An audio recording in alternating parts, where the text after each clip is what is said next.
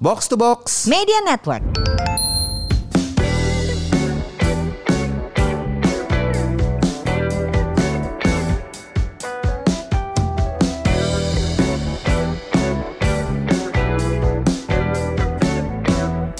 Buat apa sehat tapi nggak punya uang, buat apa makmur tapi sakit-sakitan. Halo, ini dia podcast Semur bersama saya FX Mario. Saya masih ditemani oleh teman lama saya, Niki. Eh, halo Nick. Hai Mar Hehe. Nah, eh, beberapa episode yang lalu kita udah sempat ngomongin strength training for runners. Terus kemarin kita udah ngomongin eh, runner buat pemula tuh gimana enaknya gitu kan. Nah, eh, kemarin tuh Niki tuh sem- nyem- sempet nyebut satu topik yang menurut gua menarik eh, suplemen buat runners. Gua nggak pernah tahu ada ini gitu. Gue taunya suplemen ya karena gua nge-gym, eh, I do CrossFit and bodybuilding gitu kan.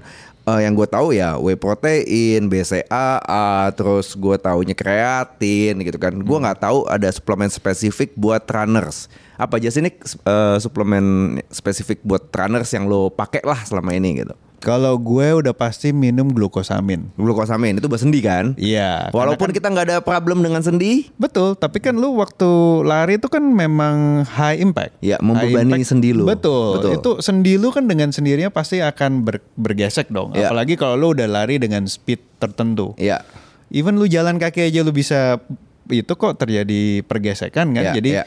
Salah satu yang paling penting buat gue itu adalah glukosamin. Glukosamin. Glukosamin. Terus yang gue konsumsi itu pasti ada magnesium. magnesium. Ya, magnesium sama vitamin D karena magnesium itu membantu untuk eh, recovery otot. Oke. Jadi eh, apalagi gue awal-awal ya, awal-awal gue mulai minum eh, suplemen itu pas abis eh, workout, abis Ya. interval, terus gue eh, biasanya gue nggak minum suplemen dulu, terus eh, besok-besoknya tuh gue bangun sakit tuh pegel-pegel kan Ya, kaki ya, kan. ya, ya.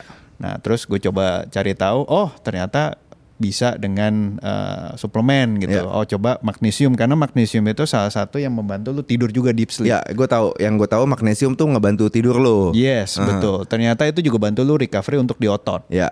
Nah, akhirnya gue minum itu, gue minum itu, bener sih. Besok besoknya gue bangun, abis interval, abis ini nggak DOMS, Oke. gitu. Jadi ya memang terbukti sih, it's it's uh, science kan. Anyway, Ya. lu bisa cari tahu tentang Ya. ini.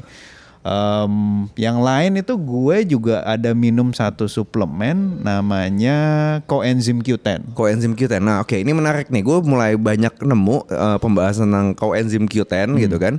Katanya bisa meredakan stres, bisa memperbaiki ki- kinerja jantung gitu kan.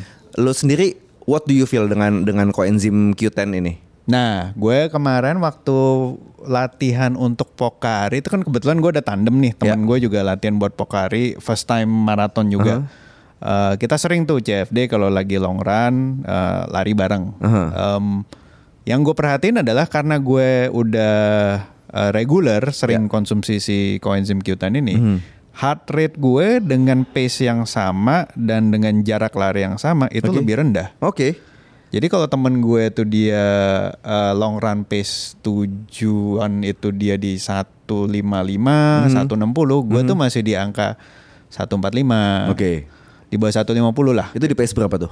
Pace 7. Pace 7. Pace 7. Lumayan, lumayan. Nah itu di daerah CFD dengan kondisi udah jam 7 jam setengah 8 pagi lah. Ah, which udah is mulai panas. ya udah agak mulai panas kan. Ya. Tapi heart rate-nya stabil gitu. Oke. Dan gue ngobrol sama beberapa pelari eh kalau gue boleh bilang ya kayak Henry Pardede gitu ya. Hmm, Gue ngobrol sama beliau. Terus gue belajar ilmunya juga. Dia memang bilang sih, ya ini bisa salah satu yang membantu untuk eh, meregulate your Ya. heart rate Ya. gitu dalam jangka panjang. Ya. Tapi nggak instan Iya, tentu. gitu Aha. karena dia membantu untuk per- peredaran darah lu Hmm. apa segala itu jadi memperkuat juga untuk eh, jantung Ya. gitu jadi um, in a long run itu membantu Iya. gitu jadi In a sprint?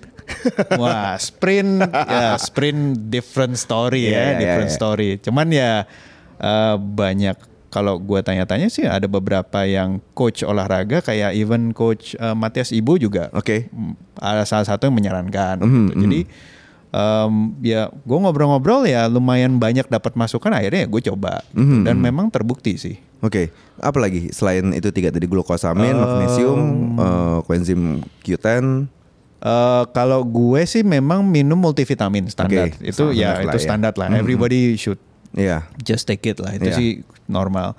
Paling yang satu lagi yang gue minum itu adalah uh, omega 3. Omega 3. Oke. Omega 3 karena omega 3 itu kan fish oil ya. Ya. Ya kalau dari dulu kan lu mungkin di eh, apa namanya? di suruh sama nyokap lu lah untuk Hmm, minum minyak ikan. minyak ikan lah jadi Biar zaman dulu. pinter. Nah, biar pinter. Tapi itu bener juga ternyata Iya, minyak iya. ikan itu membantu. Ya, ya. Gitu membantu untuk eh, apa namanya? em, pem- Regulate kolesterol lu juga mem- gitu kan. Ya, salah satunya itu kolesterol terus juga membuat eh, dinding sel Hmm. gitu. Jadi untuk untuk eh, regenerasi sel di tubuh lu Oke.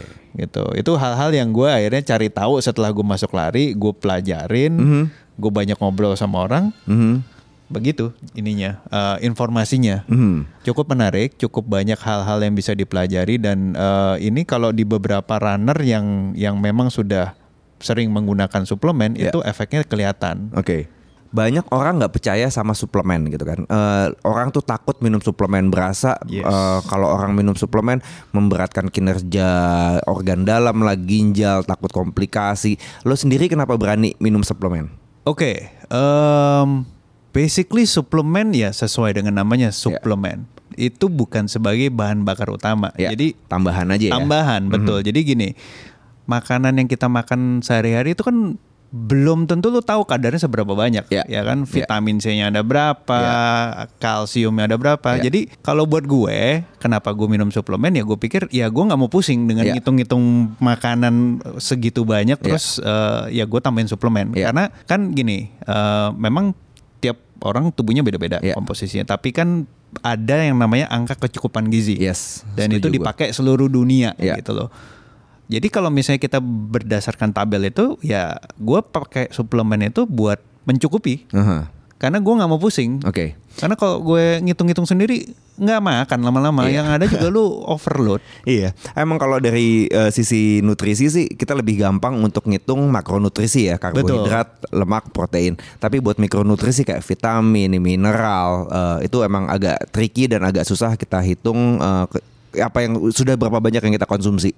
Oke, tadi tuh udah suplemen, diet lu sendiri gimana nih? Pengaturan pola makan lu? Eh ya, kalau makan memang gue mulai ngatur makanan itu dari sejak pandemi. Memang gue coba eh, atur makanan lebih banyak eh, sayuran, lebih banyak Ya. buah. Mhm. Jadi gue gue terus terang eh, kenapa bisa turun berat badan itu kemarin juga salah satunya karbonya gue ganti. Oke, Eh instan nasi putih gue pakai nasi hitam. oke, Terus gue makan kentang. ya, Terus ya sayur udah pasti gue tambah Mhm, mhm, porsinya. Em, di samping itu of course gue juga tetap minum whey protein sih. ya, ya, ya. Itu gue rasa cukup standar lah. Iya, untuk Ya. protein intake lo ya. Iya, Kita untuk di Indonesia menunya sangat rendah protein gitu Yes, kan. I Kita tinggi karbohidrat, tinggi High gorengan. carbo. Heeh. Jadi emang eh, suplemen whey protein menurut gue cukup lumayan penting kalau kita nggak bisa penuhi dari konsumsi makanan sehari-hari gitu Ya, kan. betul, setuju. Oke, menarik. Eh, that's the diet, that's the supplement. Oke, eh eh, ada saran nggak? Oke, eh, for your information buat yang nggak kenal sama Niki, gue dan Niki ini ada di cohort atau age group yang sama. Eh, kami sudah kepala empat dua-duanya gitu kan. Eh, menurut lo eh, kalau buat yang seumuran kita deh mau mulai lari, apa yang mesti kita aware sini? Em, kalau buat gue sih terus terang em, kemampuan diri itu ya. Kadang-kadang tuh orang tuh mau FOMO ya. Ya, gue ya, rasa ya. banyak orang yang sekarang baru mulai lari FOMO terus eh, mau maunya lari kenceng, Aha. maunya lari gimana gitu. Eh, at the end of the day, it's it's it's the sport is about yourself. Kan? Ya, ya. It's you against yourself. Iya. gitu. Jadi eh, menurut gue ya mulai dengan jalan kaki, Mhm. mulai dengan walk slowly, terus nanti lu percepat, lu tambahin ininya. Em, untuk orang yang seumuran kita tuh, it's not easy to start a new kind of sports. Aha. Tapi eh, if you really want to change your lifestyle gitu ya, kalau lu mau mau lebih sehat ya, salah satu yang menurut gue sedikit lebih murah ya dibanding sama sepeda ya. Mhm. Ya lari is an option sih. Oke. Hmm, menarik. Gua ma- makin tergoda buat lari nih. Hmm, jadi kayaknya kalau besok-besok kalian mulai lari, eh, kalian yang udah lari dan ketemu gua di GBK lagi lari, sapa gue ya. Kita lari bareng yuk di GBK.